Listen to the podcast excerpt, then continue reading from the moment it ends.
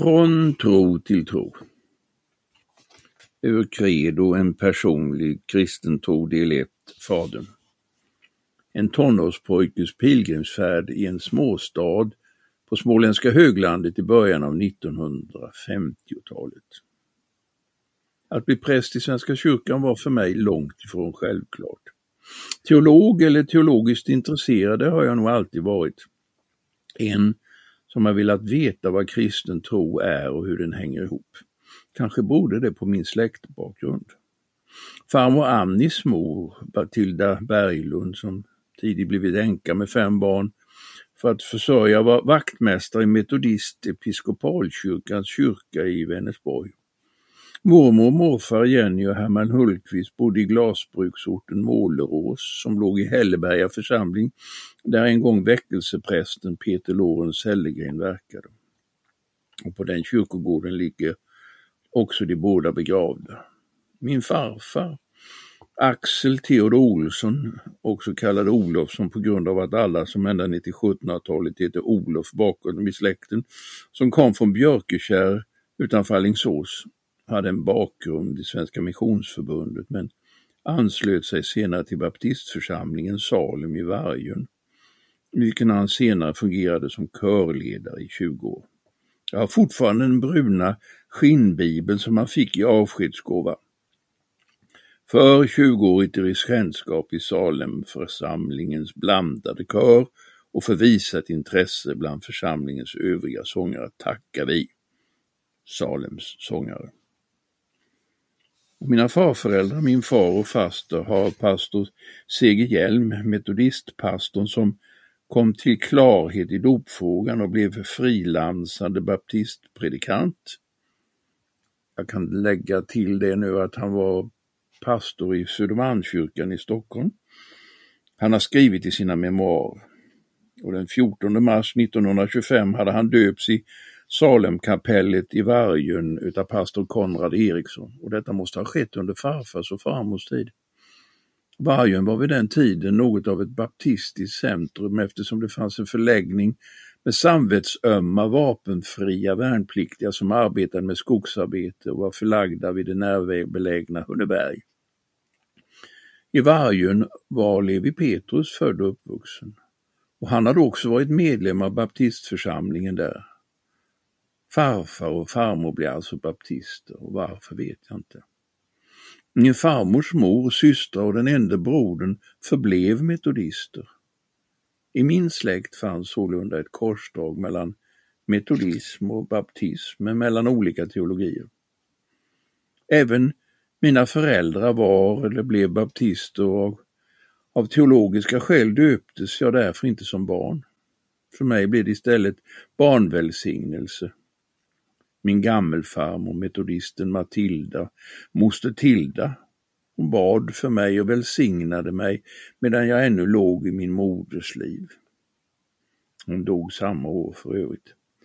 Offentligt blev jag barnvälsignad vid något möte i baptistförsamlingen Betania i Jönköping till vars söndagsskola eh, jag av tant Gerda hälsades välkommen då jag fyllt fyra år. Och jag har fortfarande kvar de inramade korten som hon skrev på min 1, 2, 3 och 4-årsdag för att inbjuda mig till söndagsskolan. Tillsammans med tavlan som föreställer skyddsängen med de två barnen lekande vid stupet hängde dessa fyra små tavlor ovanför min säng i barnkammaren. När mina föräldrar flyttade från Smålands Jerusalem och det i Köpingen dit de kom bara fanns en missionskyrka, SMF och en pingstförsamling valde de att ansluta sig till missionsförsamlingen. Varför? Jag tror att min far berättade att farfar hade sagt att pingstvännerna hävdade att man måste tala i tungor för att vara andedöpt eller uppfylld av anden och det trodde inte min farfar och inte far heller. Där mötte jag åter teologin. I den järnvägsknut på småländska höglandet där jag tillbringade mina barn och ungdomsår fanns det förutom Svenska kyrkan sex andra kyrkor och samfund och så förstås Russelianarna eller Jehovas vittnen med vakttorn och rikets sal, men de räknades inte eftersom de inte var riktiga kristna hur mycket de än läste Bibeln och hänvisade till den och Åtminstone sades det så. Och det visade sig också vara sant när jag sedan tog reda på vad de lärde om Jesus Kristus. På min skolväg passerade jag fem kyrkobyggnader, men såg även den sjätte på vägen, tabernaklets tegelbyggnad som hörde till Örebromissionen. Frälsningsarméns armélokal med en biljettlucka som på biografen Saga som låg alldeles jämte där man ibland visade film för vilket man fick betala inträde. Philadelphia, som senare bytte namn till Pingstkyrkan så snart den gamle pastorn hade dött. Över min döda kropp, Philadelphia heter det, inte Pingstkyrkan. Och så Svenska Alliansmissionens lilla kapell Betel på Nygatan. Metodistkyrkan med torn men utan klockor och den är numera förvandlad till pub och nattklubb, Brottsabokyrkan. Och så Missionsförbundets breda vitrappade lada som senare ersattes med en modernare kyrkbyggnad och så Svenska kyrkan, en röd tegelbyggnad, byggd 1905 på en kulle väl synlig, en byggnad med ett riktigt torn och med riktiga kyrkklockor som hördes över hela stan. Varje söndag klockan tio halv elva och elva och sen kortare ringning omkring klockan tolv. Sex kyrkor och ett kätterskt samfund, sex teologier och en ariansk heresi. Att det var en heresi, det förstod jag, men först senare lärde jag mig att det var ariansk, en perenn i den heretiska rabatten. Kristen tro var något som jag hade med mig hemifrån. Jag valde en an annan andlig väg än mina föräldrar, men de kritiserade mig aldrig. Du får bli vad du vill, bara du blir gudfruktig och rättskaffens. Det var min fars, konditormästarens, attityd och ord på vägen till mig. Som var han själv. Hans tro präglades av barnslig gudsförtröstan. Vi får tala med far. Det var hans reaktion inför den sjukdom som ändade hans liv. Jag har min mors bibel med hennes understrykningar. Hon visste vem hon trodde på.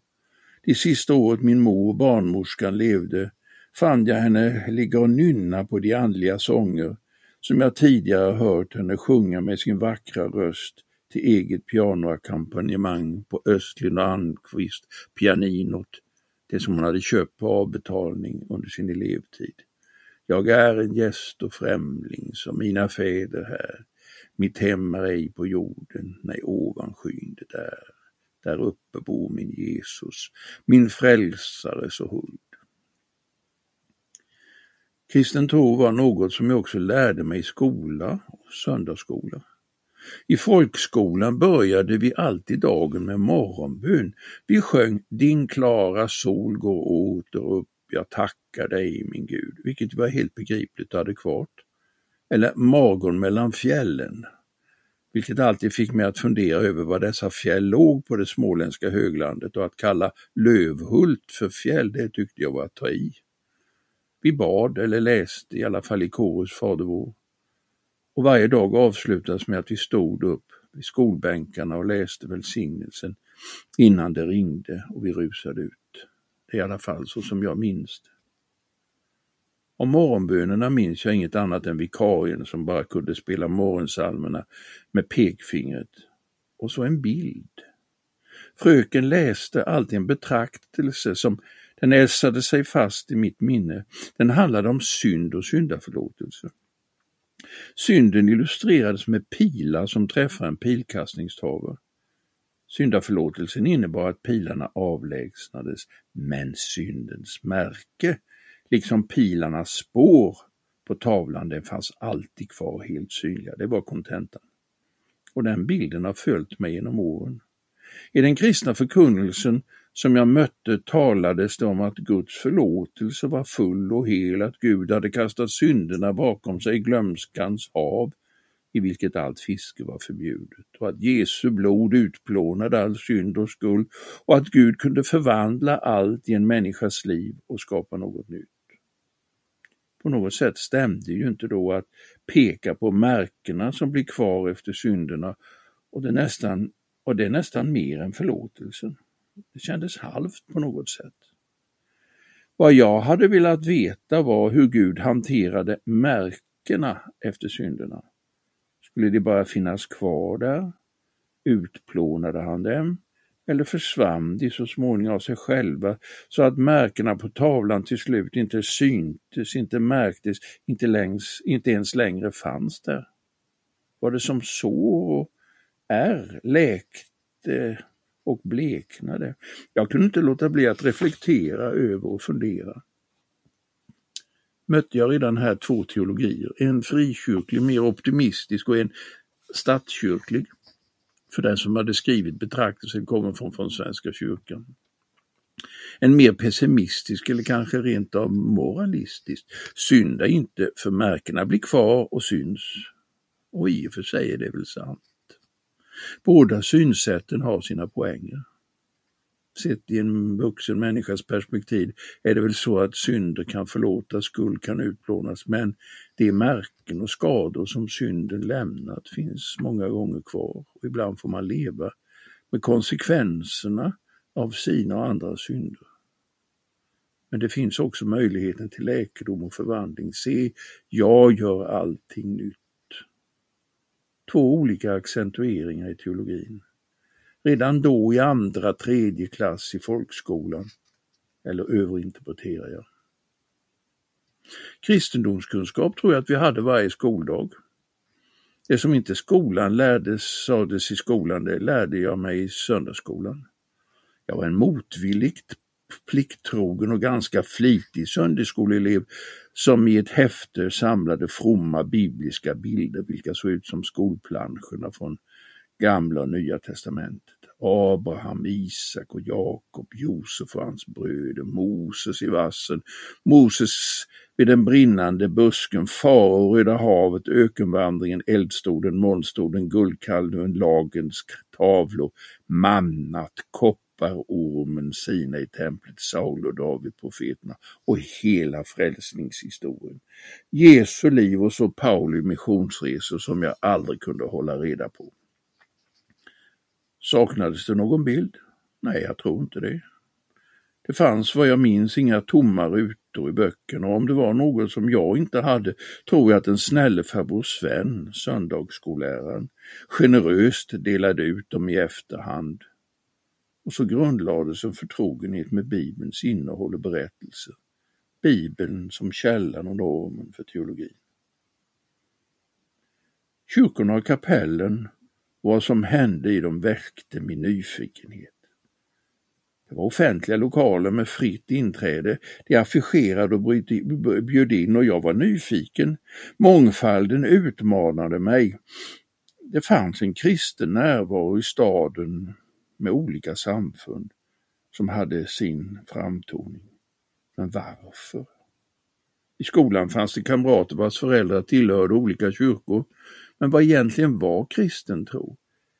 I detta utbud, hur såg den ut? Om Gud var så verklig och viktig som alla sade, hur skulle jag då kunna få veta det och själv erfara? Och det fanns bara en väg, att själv undersöka. Så jag blev en flitig mötes och gudstjänstbesökare, väckelsemöte, helgelsemöte, söndags förmiddagsmöten, tältmöten med en flammande väckelseförkunnelse, med förkunnelse om uppryckelse, världens undergång och Jesus snara återkomst.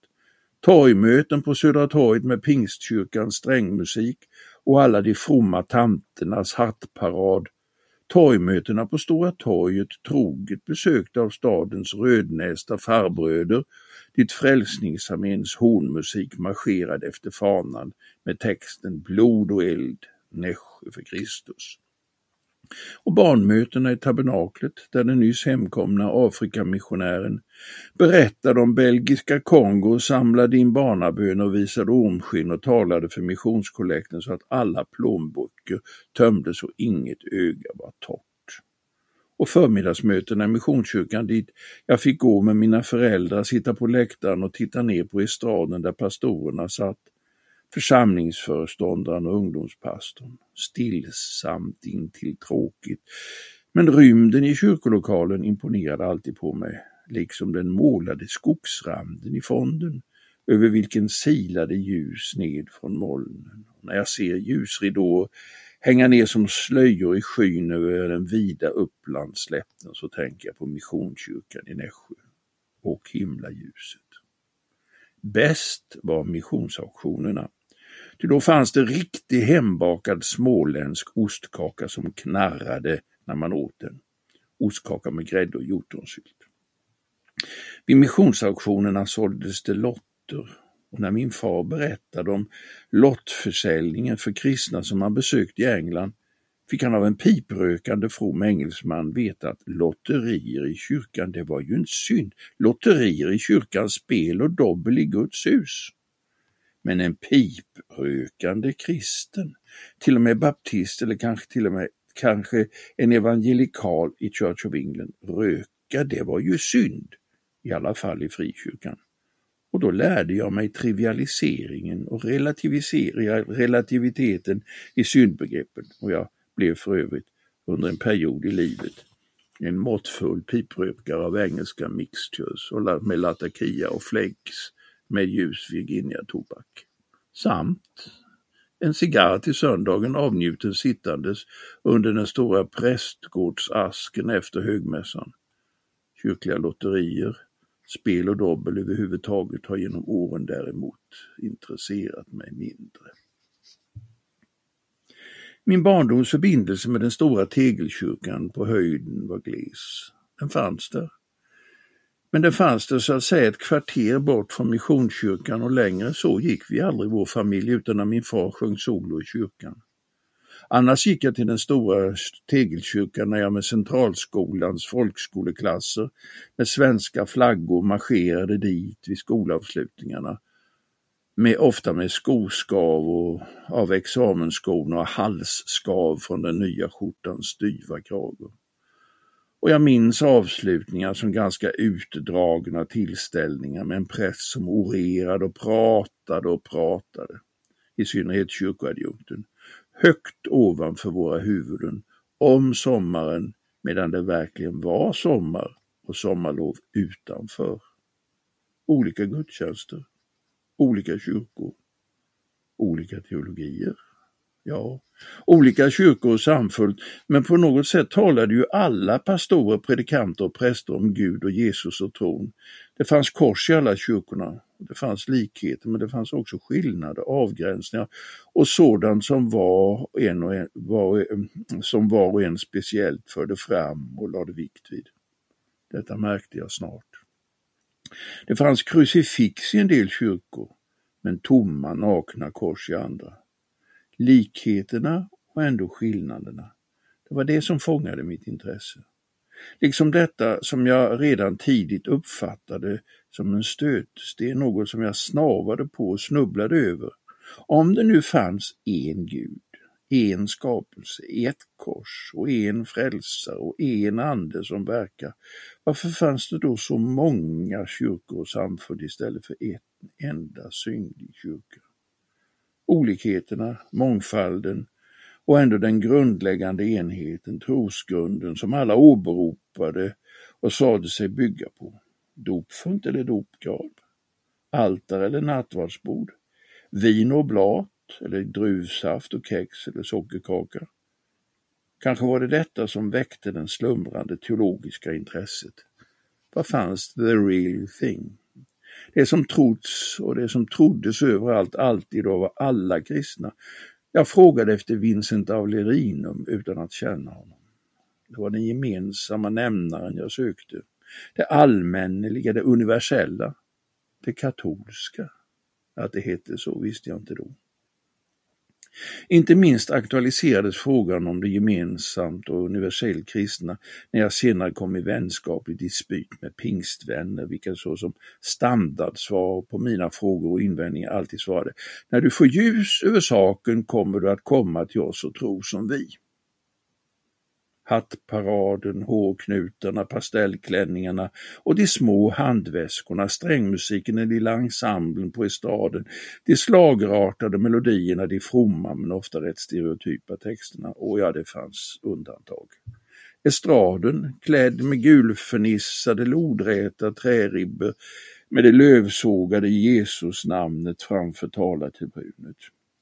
Namnet Jesus i blickpunkten.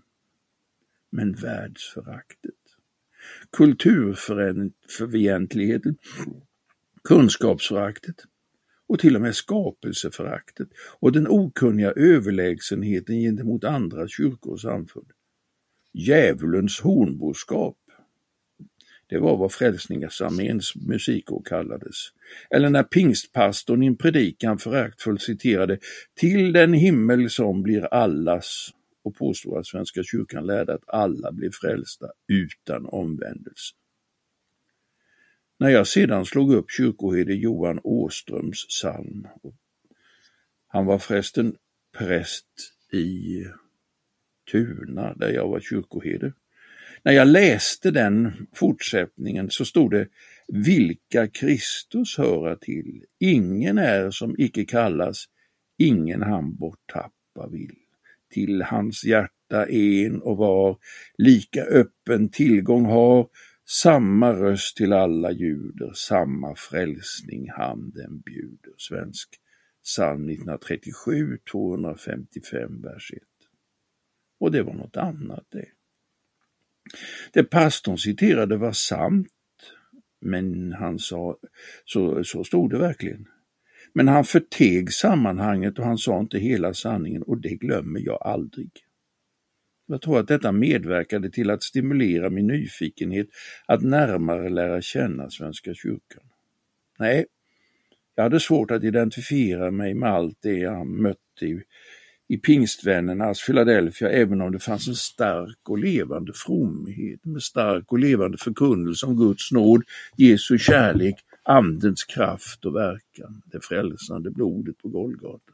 Det kan jag inte glömma, liksom bönesuset starkt som stora vatten, vittnesbörd om förvandlade liv och möten med Gud. Allt detta finns med som en förblivande rikedom, ett möte med äkta andlighet och kristen tro lokalt förankrad, inkulturiserad. Så i mitt förhållande till frikyrkan finns inget agg eller något resentiment. Min förbindelse med frikyrkan var mina föräldrars och farföräldrars. Jag har själv aldrig tillhört något frikyrkofans, någon frikyrkoförsamling och därför har jag heller aldrig lämnat någon. Mitt föräldrahem var visserligen präglat av frikyrkligheten, men utan varje spår av sekterism. Med en klar blick för det centrala i tron, för det som förenade alla kristna. Det fanns därför ingen eller ingenting som jag måste göra upp med eller frigöra mig från. Att det likväl var till frikyrkan, just till deras samfund eller församling jag måste gå där jag slutligen skulle hamna när jag fick ljus över den kristna tron som pingstvännerna påstår, det hade jag svårt att tro och acceptera. Och den skepsisen har jag behållit, även när samma triumfalistiska budskap idag möter från annat håll. Miljön som fanns där upplevde jag som alltför begränsad i tids och platsbunden, alltför provinsiell icke-universell eller med ett annat ord som jag ännu inte kände till, icke-katolsk. Gud blev för liten, Jesus blev för liten, tron blev för liten. Jag hade börjat upptäcka dessutom världen, litteraturen, den klassiska musiken, kulturen och pingstvännernas Gud upplevde jag, trots den kraft jag där erfarit, vara för liten och begränsad. Deus, semper, major. Gud är alltid större. Ja, visst måste Gud vara större. Men i sanningens namn ska det också sägas att den Gud som jag senare mötte i den liberala kulturprotestantismens teologi och förkunnelse var ännu mycket mindre om ens Gud, hellre då pingstvännernas. Där fanns det åtminstone något av kraft och helighet som drabbade och berörde. Jag började ana att det var skillnad mellan teologi och teologi.